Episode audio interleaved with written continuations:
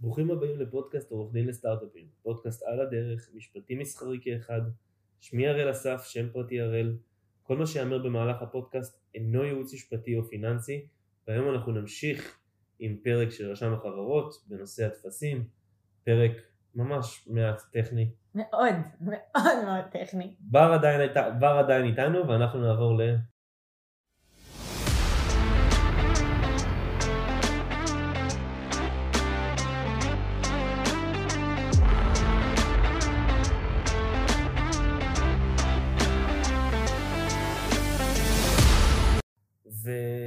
אנחנו צוללים לנושא הבא, שזה בעצם טפסים נפוצים בתוך רשם החברות, אני ארוץ על הטפסים אה, כדי לשמור את הפרק אה, ממוקד, ואם יש כמובן שאלות, תרגישו חופשי לפנות, האם הם ב description.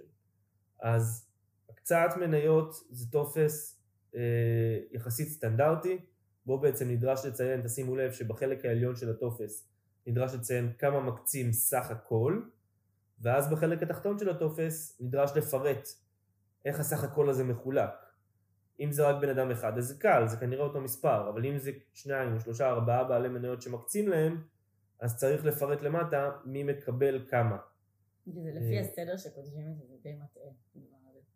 נכון, נקודה חשובה ולא ציינתי אותה, זה צודקת לחלוטין. מה שבעצם קורה בטופס של הדיווח הקצאת מניות, זה בעצם צריך לפרט קודם כל את השמות של בעלי המניות, ואז בהמשך נדרש לפרט כמה כל אחד מהם מקבל. גאון מי שעשה את באמת, גאון.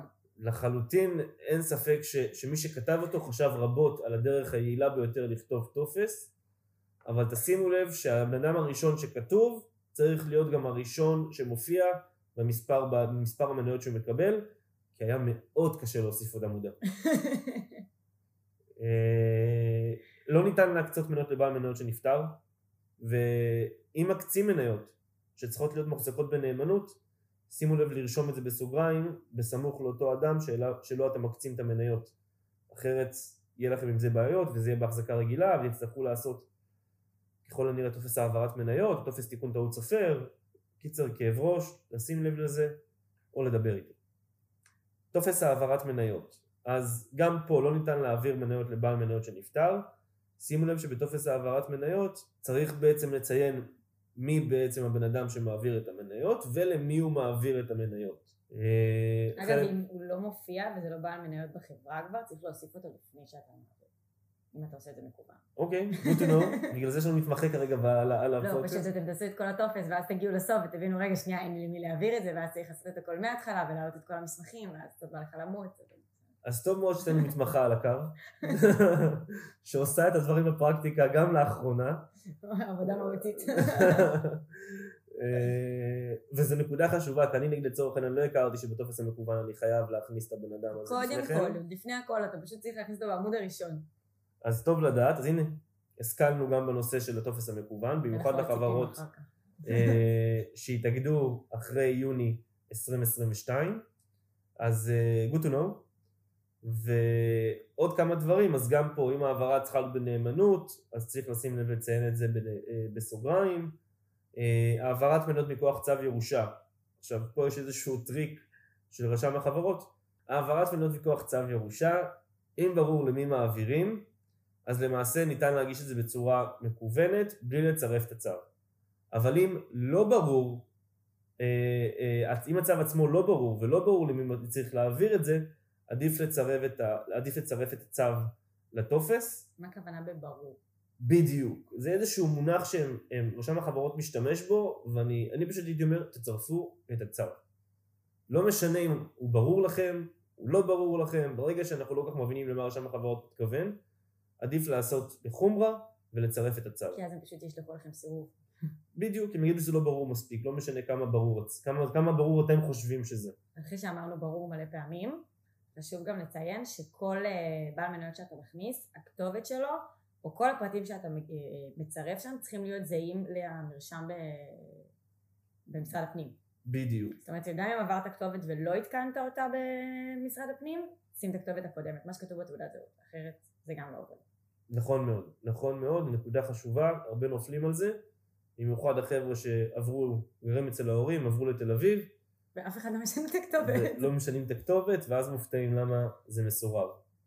טופס מינוי דירקטור. עכשיו, טופס מינוי דירקטור זה גם טופס מאוד מאוד חכם אני חייב לציין. אה, מהסיבה שצריך לרשום את המינוי של ה... את תאריך המינוי שלו פעמיים.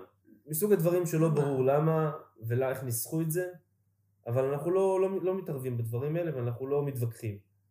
אז מה שצריך לבקש מהדירקטור שרוצים למלא את הטופס של מינוי דירקטור זה כתובת מגורים ואת התאריך מינוי שלו, תעודת זהות כמובן, שם. אה, שימו לב שדירקטור שמופיע בתוך הטופס כממונה או כחדל לכהן לא יכול לחתום עליו כמבקש השינוי.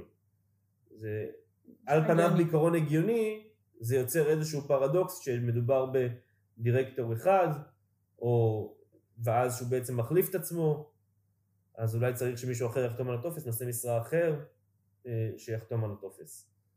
טופס, שינוי תקנון ושינוי הרכב הון. אגב, לפני שאנחנו ממשיכים, רק לעניין הזה, כמו שציינו מקודם המורשה דיווח, הרבה פעמים, שוב, זה בעיקר לחברות שהתאגדו אה, אחרי יוני 20, יולי 2022? יוני. יוני, אה, אז לרוב יש מורשה דיווח אחד, בדרך כלל זה דירקטור, אז צריך להוסיף מורשה דיווח כדי שידווח על זה. אז צריך לעשות את זה, את כל התהליך הזה לפני. בדיוק, אה, כי רשם החברות לא תמיד כל כך מכיר בנושא משרה, על אף שנושא משרה כן יכול לדווח. אה, ובשביל לעדכן את רשם החברות צריך להגיד לו, אוקיי, זה המנכ"ל של החברה, ולדווח על מי הוא המנכ"ל של החברה, ואז הם מבינים שמנכ"ל זה נושא משרה, אז הוא גם יכול לדווח. אה, או להסמיך את העורך דין, זה סעיף 39 לחוק החברות, אפשר להסמיך מישהו נוסף, שבעצם ידווח את השינוי. אה, נכון, נקודה חשובה, אה, אנחנו נמשיך לטופס של שינוי תקנון ושינוי הרכב הון. חביב עליי. טופס של, במקרה של שינוי תקנון, תשימו לב לצרף את אחד מהבאים. או את התקנון החדש, שמחליף את התקנון הקיים, או נוסח תקנון משולב בעקוב אחר שינויים שמציג בעצם מה השינויים בתקנון הקיים או מסמך שמפרט רק את השינויים בתקנון האחרון שהוגש לרשם. אנחנו בדרך כלל, יותר נכון אני בדרך כלל מה שאני אוהב להגיש, תקנון החדש שמחליף את התקנון הקיים, זה יוצר הכי פחות בלבול ובעצם גם מאפשר הלאה תמיד לדעת מה התקנון העדכני של החברה. אין התעסקות של עקוב אחר שינויים, אין התעסקות של מה שינינו מה לא שינינו, שולח את התקנון החדש, נקי, ואז גם אצלי וגם ברשם החברות התקנון מעודכן כתקנון האחרון של החברה. אם אתה שולח את הנוסח המשולב, זה התקנון שמופיע שם? כן. Okay. אוקיי. הם לא עושים accept all changes ואז אה, ממשיכים, למה? מעלים את הנקי. למה הם פשוט מעלים את המשולב אל תוך המערכת ואז אנשים רואים את התיקונים שעשית לאחרונה, לא תמיד רוצים שיראו את התיקונים שעשית לאחרונה. אוקיי. Okay.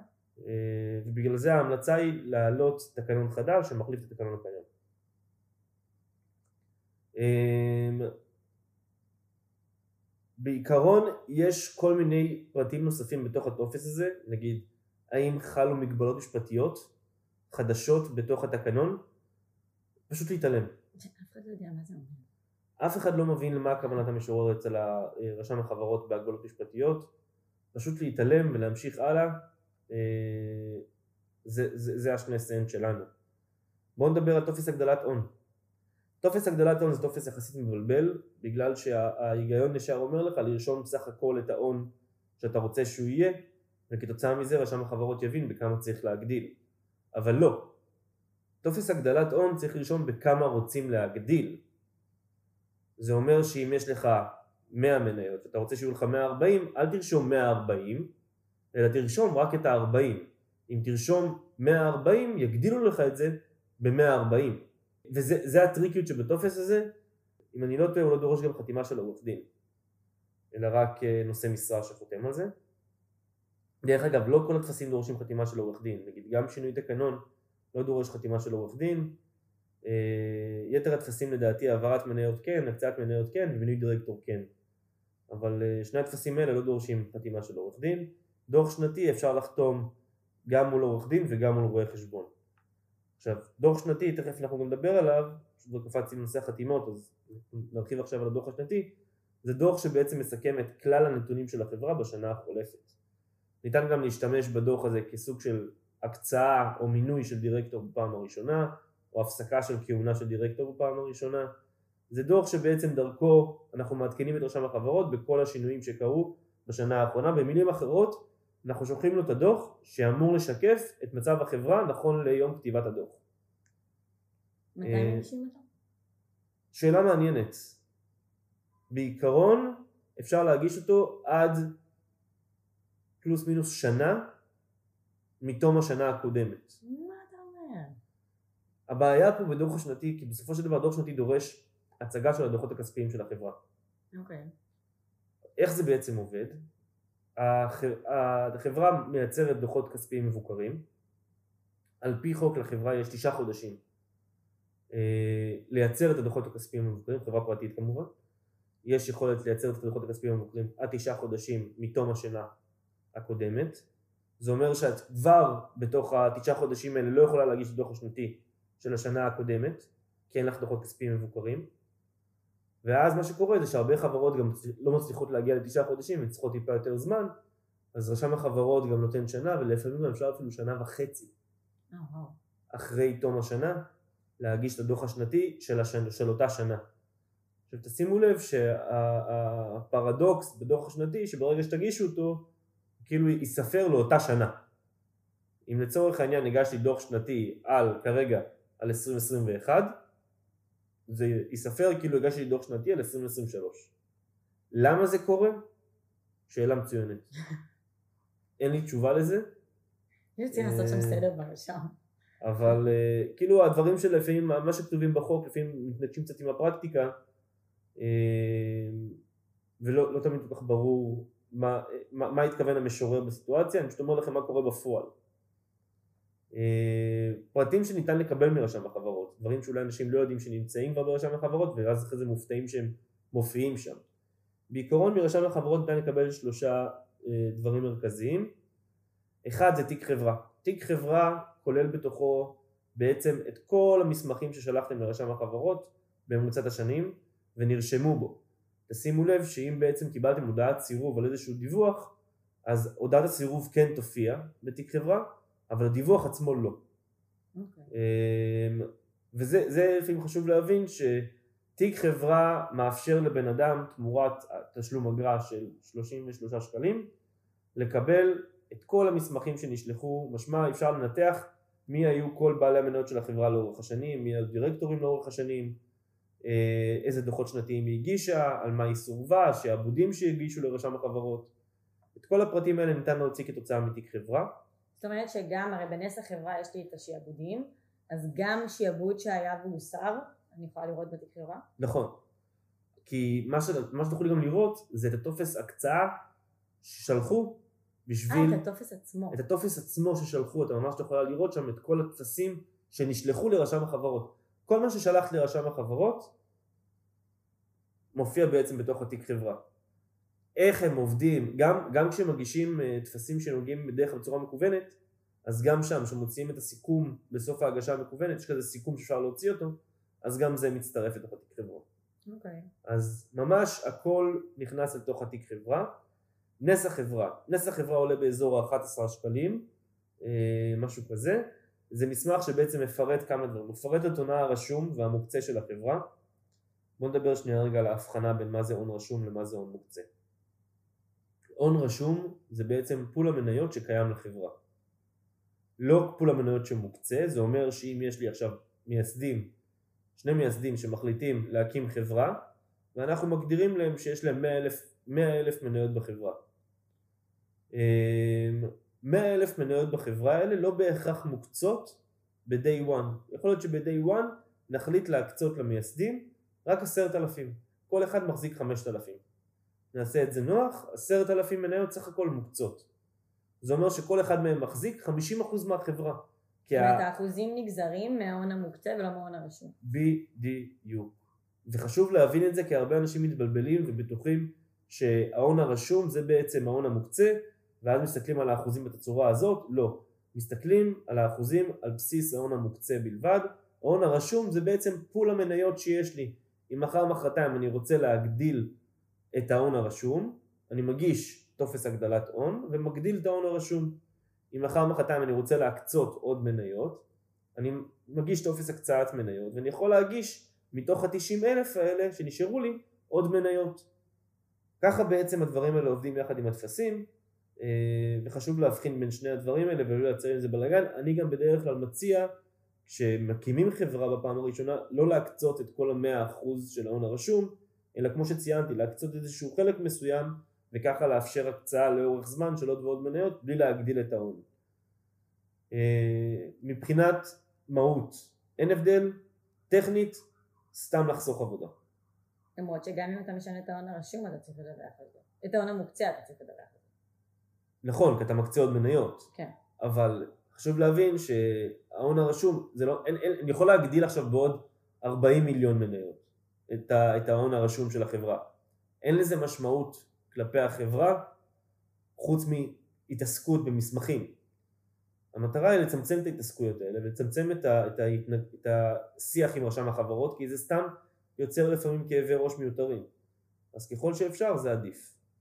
אה, אז אמרנו שבעצם זה מסמך של נס החברה שמפרט בתוכו את ההון הרשום והמוקצה, מפרט את בעלי המניות של החברה, מפרט מי הוא הדירקטוריון של החברה, לפעמים גם ניתן לראות שם מי הם נושאי משרה נוספים, כמו נגיד מנכ"ל החברה, חשב, אה, יש כל מיני אנשים שמחליטים להוסיף עוד ועוד עדכונים לרשם החברות, בעיקר כדי שיוכלו לחתום מחר מחרתיים על דיווחים לרשם החברות. אה, ניתן לקבל לא מעט מידע בעצם מהדוח הזה, חשוב להבין שלא כל חברה מעדכנת אותו בשוטף ואז אי אפשר להסתמך עליו בהכרח. אה, כי לצורך העניין המניות שקיימות בנסח רשם החברות, בעלי המניות סליחה, בעלי המניות שקיימים בנסח רשם החברות זה לא הנוסח המחייב, הנוסח המחייב זה בעצם מרשם בעלי המניות שקיים אצל החברה עצמה וחתום על ידי נושא משרה. זה המסמך המחייב למי הם בעלי המניות בחברה, לא מה שכתוב ברשם החברות. בגלל זה גם, כמו שנגעתי בתחילת הפרק, בנושא הזה של האם בכלל כדאי לעדכן את רשם החברות, כאילו האם זה שווה משהו, ניגע בשאלה הזאת גם בסוף. מסמך נוסף שניתן להוציא מרשם החברות, אה, מסמך סטטוס חברה, אה, שהוא בעצם אומר אם החברה היא פעילה או לא פעילה, מאוד פשוט, מסמך יחסית מתומצת, ניתן להוציא אותו גם בעברית וגם באנגלית, זה מסמך שלרוב מבקשים אותו בעסקאות, אה, שהחברה היא פעילה ביום X, ואז מוציאים את המסמך הזה לאותו יום. כמובן שיש עוד טפסים שאפשר לקבל ושיש עוד פונקציות שאפשר להתייחס אליהן, אך להבנתי אלה הדברים המרכזיים ואלה הדברים שאני נתקל בהם ב-day to day שלי אה, ואני לא רוצה שנתחיל לפרט את הכל כי אחרת אנחנו סתם פה נלך לאיבוד בפרק מאוד מאוד טכני. אם יש רצון עוד יותר להרחיב בזה או אם משהו לא ברור אז כמובן מוזמנים לשלוח לי אימייל ונרחיב על זה. אה, בנוגע לנקודה האחרונה אז מה שווה, האם שווה לעדכן את רשם החברות? השאלה מה רוצים לעשות, אם אנחנו הולכים על כיוון של גיוסים ואנחנו הולכים לעבור בדיקת נאותות, due diligence, לעיתים תכופות, אז כן, התשובה היא כן. צריך לעדכן את רשם החברות, כי בכל עסקה עורכי דין מגיעים ומבקשים לראות עוד ועוד פרטים אה, ולראות שזה מעודכן. אה, אם לא מתכננים לבצע גיוסים, אפשר גם לעדכן פעם בשנה, אני יודע שזה אולי לא על פי החוק, אה, ואני לא מעודד אף אחד לעשות את זה, אבל פרקטית... זה בסוף מה שקורה. זה מה שקורה, כן, זה מה שקורה. אה, כמלווה חברות בשוטף אנחנו נאלצים לדווח אה, בזמן לאור זה שרוב החברות שאני מלווה עוברות בדיקות נאותות אחת לתקופה יחסית קצרה. אז אם יש עוד שאלות תרגישו חופשי לפנות, אנחנו סיימנו את פרק רשם החברות. תודה. מקווה ששרדתם, אה, ונתראה בפרק הבא.